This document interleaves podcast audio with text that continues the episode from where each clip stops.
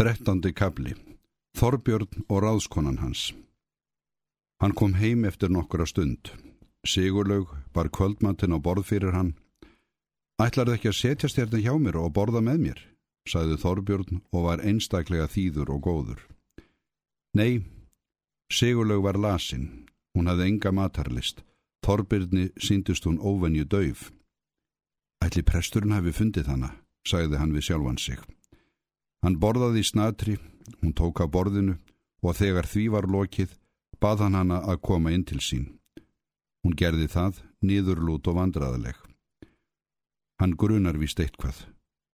Nú kemur skruggan og ég vildi ég væri komin hundrað mílur burt frá honum. Hún gati ekki á hilli sér tekið og var gagtekin af hræðslu og kvíða. Nú fáum við okkur glas af góðu víni, sagði hann og strauk hendin um kinnin á henni. Um sigurlaugu fór kuldarhóllur. Hún hefði heldur kosið þann svipin að hann hefði verið vondur. Nú kvaldi samvinskan hanna. Hann hafði aldrei verið annað en gæðin við hanna og nú ætlað hún að fara að hryggja hann. Hún kendi brjóstum hann, en hann var svo leiðinlegur.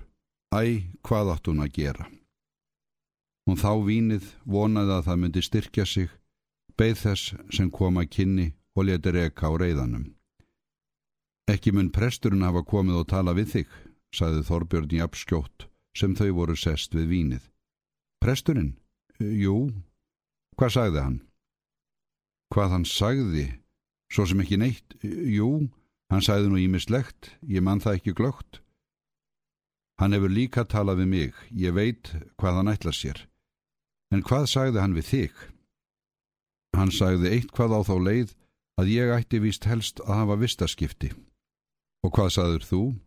Ég. Ég sagði svo sem ekkert. Þú hefur þá ekki lofað honum neinu um það? Nei. Finnst þér prestunum koma þetta mikið við? Uh, og nei. Óskup segjur þetta dræmt góða. Finnst þér prestunum koma þetta nokkuð við? Nei, ekki held ég það. Helst hefur átt að reka hann út. Þú hefur kannski gert það? Nei. Þú hefur þó ekki verið prestunum sammála í huga þínum. Nú leindi sér ekki á málrómi Þorbjarnar að honum var andum svarið. Ég veit ekki, saði Sigurlug. Hún þóldi ekki lengur spurningarnar og fór að gráta. Þorbjörn var sem á glóðum. Hann færði sig að henni, straukum hárð á henni og bað hana, elsku barni sitt, að gráta ekki. Hún hætti að gráta eftir dálitla stund og þurkaði sér í framann. Þú mátt ekki fara frá mér, sagði Þorbjörn. Þú verður hér eins og dóttir mín og ég minnist þín áður en ég degi, svo þú verður ekki á flæðiskeri stödd á eftir. Ég er nú orðin nokkuð gamal. Sigurlaugu fannst að hann myndi verða minnstakosti tíræður og samstundi skammaðist hún sín fyrir að vera telja eftir honum æfi árin. Eins og dóttir í þar, sagði Sigurlaug, en Þorbjörn tók fram í fyrir henni. Hvers vegna þér arðu mig? Hvers vegna þú arðu mig ekki eins og þú ert vön að gera á kvöldin?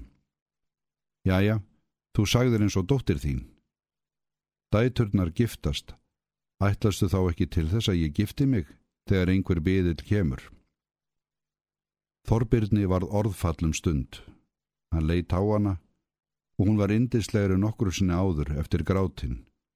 Nú þóttist hann sjá hvað fyrir henni vekti og hvað hann ætti að gera til þess að kveða niður alla þessa bölvaða reykistefnu. Hann fann að það var mikið veglindi við allslösa stúlku en honum hafði ávalt verið ánægja því að sína allslösu mönnum veglindi. Já, ég ætlast til þess að þú giftir þig, mælti hann gladlega, og ég ætla sjálfur að verða byðillin. Hann bjóst við að Birta myndi yfir hennar fögnuði, að hún myndi fleia sér í faðum hans, að hún myndi gefa honum ótal gælunum, en hún satt kyrr og horði í göpnin sér og þagði. Hvernig líst þér þá á? sagði hann og furðaði sig dálítið á henni. Ég veit ekki, sagði hún. Ég veit það, ég veit að þú fer ekki frá mér. Ég veit að nú á ég vandu meiri ánægu en nokkur tíma áður á æfinni. Ég veit að haustið verður nú að há sumri. Ég veit að litla kona mín verður fallegasta húsfreyjan í bænum. Ég veit að hún verður ekki lakara búin en aðrar konur höfustadarins. og ég veit að hún getur fengið allt sem hana langar til. Þorbjörn var allur orðin að vonum og fjöri, en Sigurlaug horfið enni í göpni sér og þægði. Þorbjörn fór að verða óþólinnmóður. Honum kom ekki til hugar að hann gæti átt afsvar í vændum, en honum fannst það eitthvað skringilegt, naumast sambóðið virðingu sinni að sitja þarna yfir hennu og byðla til hennar og fá ekkert orð úr henni. Hvað segir þú þá, sagði hann eftir dálitla þögn. Ég ætla að hugsa um það, sagði hún og stóð upp. Honum fannst að hún ætti ekki að þurfa að hugsa sér mikið um annaðins mál og þetta. En þetta gæti líka verið ólíkindalæti, eða var hugsanlegt að balvaður presturinn hefði haft einhver áhrif á hana. Ekki hafði hann bannað henni að giftast honum. Góða nótt, sagði Sigurlug, ég ætla að fara að hátta. Jæja, hann var þá að býða til morguns. Lengur en einan nótt gæti hann ekki hugsa sér sjálfan sig vonbiðil. Fjandi var hún dauf, ekki meira deyfðarefni en það var, að eiga að verða konan hans. Ætli þær hefði ekki þegið það hínaráðskonurnar. Sigurlaug fór ekki að sofa. Hún settist í hægjendastólu upp í Svefnirbergi sínu. Þorbjörn hefði keift hann fyrir nokkurum vikum handa henni. Stólinn var mjúkur og þægilegur. Ekki hef ég annan einn stól í Svefnirbergi mínu fyrstum sinn ef ég fer hérðan, sagði hún við sjálfan sig og þunglindislegur sjálfsafnætunar blær kom í hugan. Þá hafði hún öðlast það sem hún sóttist eftir fyrir fáum vikum.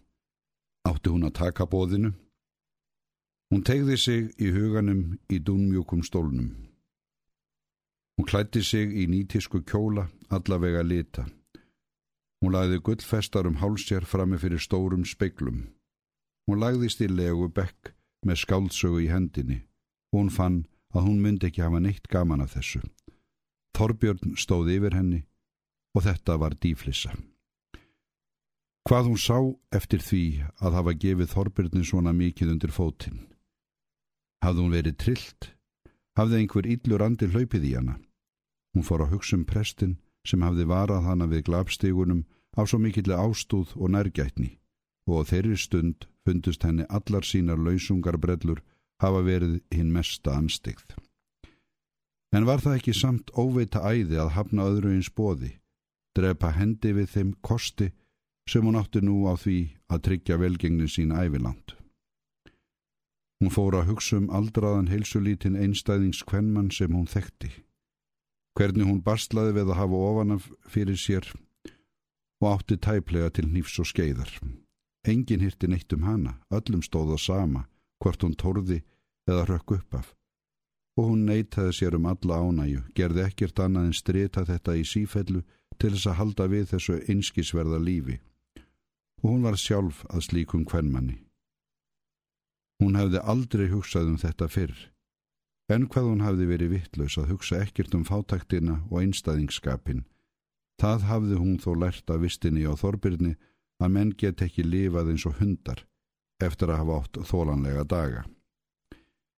Mikið þáði hún hugsa sér lífið ólíkt því að fara nú að eiga sextugan Karl, þó að hann væri auðugur. Hvað var orðið af glæsilegum ungum manni sem hún unni hugástum og hafði jafnan hugsað sér? Hann var orðin að Þorbirni kaflóðnum, gömlum, klunnalegum karlvargi. Svona var lífið, hvað það var viðbjóðslegt. Margaradadur söngur barstað eirum hennar úr húsinu og móti, ágætar karlmannaraddir.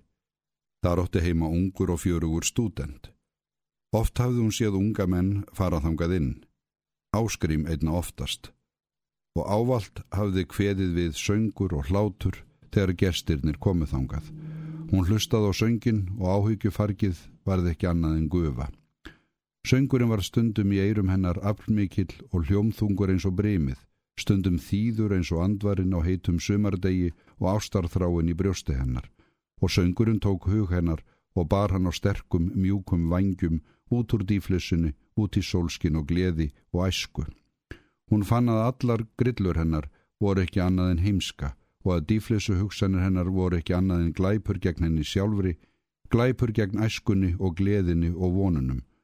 Og hún leitt á sívala, dúmjúka, snjókvíta handlegin á sér og vissi að þeir voru ekki til þess gerðir að vefjast um neina karlahálsa og hún vissi að nú var þessi ylli draumur á enda og að hún ætlaði aldrei að tala við Þorbjörn nokkurt orð framar. Og söngurinn helt áfram fram eftir nóttunni og fylti sál hennar fögnuði og friði og draumum um sólskin og frelsi og gladverð og samvistir við æskumenn. Sigurlaug var ekki komin á fætur þegar Þorbjörn kom heim af skrifstofu sinni stundu fyrir hádegi daginn eftir til þess að borða morgunverð. Best að lofa henn að sofa. Hún hefur líklegast orðið andvaka í nótt og nú er hún haldt í hvoru farin að líta á sig sjálfa sem húsfreyju. Þorbjörn sagði ekkert, gerði ekki annað en brosa þegar hann hugsaði til hennar. En þegar hann kom heim til miðdegisverðar, sagði vinnukonan að Sigurlaug hefði farið út fyrir góðri stundu og væri ókomin heim. Þetta þótti honum kynlegt. Honu var dálítið órótt meðan hann var að borða og hann dokaði við góða stund og eftir middegisverði til þess að vita hvert hún kæm ekki. En hún kom ekki. Hvert fjandan er hún að flækjast? Ég tala um þetta við hann í kvöld og hann fór út, hann átti anrikt og mátti ekki vera að slóra þetta lengur. En þegar hann kom heim um kvöldið var þangað komið eftirfærandi bref í stað Sigurlaugar. Er að kaupmaður Þorbjörn Ólafsson. Ólaf Jónsdóttir móðir Sigurlaugar sem verið hefur ráðskona í þar hefur beðið mig að geriður viðvartum að dóttir sín hafa ráðið af að fara burt frá yður nú þegar og mun ekki vera væntalega heim til yðar aftur. Sangjarnir skadabóta kröfu af yðar hálfu fyrir vistrófið verður á sjálfsögðu synd tafarlaust ef hún kemur. Virðingar fylst Þorvaldur Gunnarsson. Þorbirni fannst þetta í fyrstu líkast rótauki. Hann let fallast niður á stól með brefið í hendinni og reyndað átta sig. Og hann áttaði sig áður en langt leið. Áttaði sig á sárri kveljandi sorg. Honum fannst ólíft inn í þessu húsi þar sem vonlaust var um að hún kæm inn í það aftur eins og ekkert hefði verið inn í þessu húsi síðustu mánuðina nema hún og ekkert í lífi hans nema hún og yrði aldrei. Nú vissi hann það fyrst hvað honum þótti vandum hana og hann áttaði sig á prestinum að hann hefði skriðið inn í lífsitt eins og eitur ormur og að hausin á honum skildi vera marinn og mólaður að Þorbirni Ólafsinni heilum og lifandi og þrótturinn var allur að hatri. Fyrirætlanir um hemd urða laungum og sterkum vef og inni þann vef óvust viðkvæmir helsárir þræðir sorgarinnar og saknaðarins.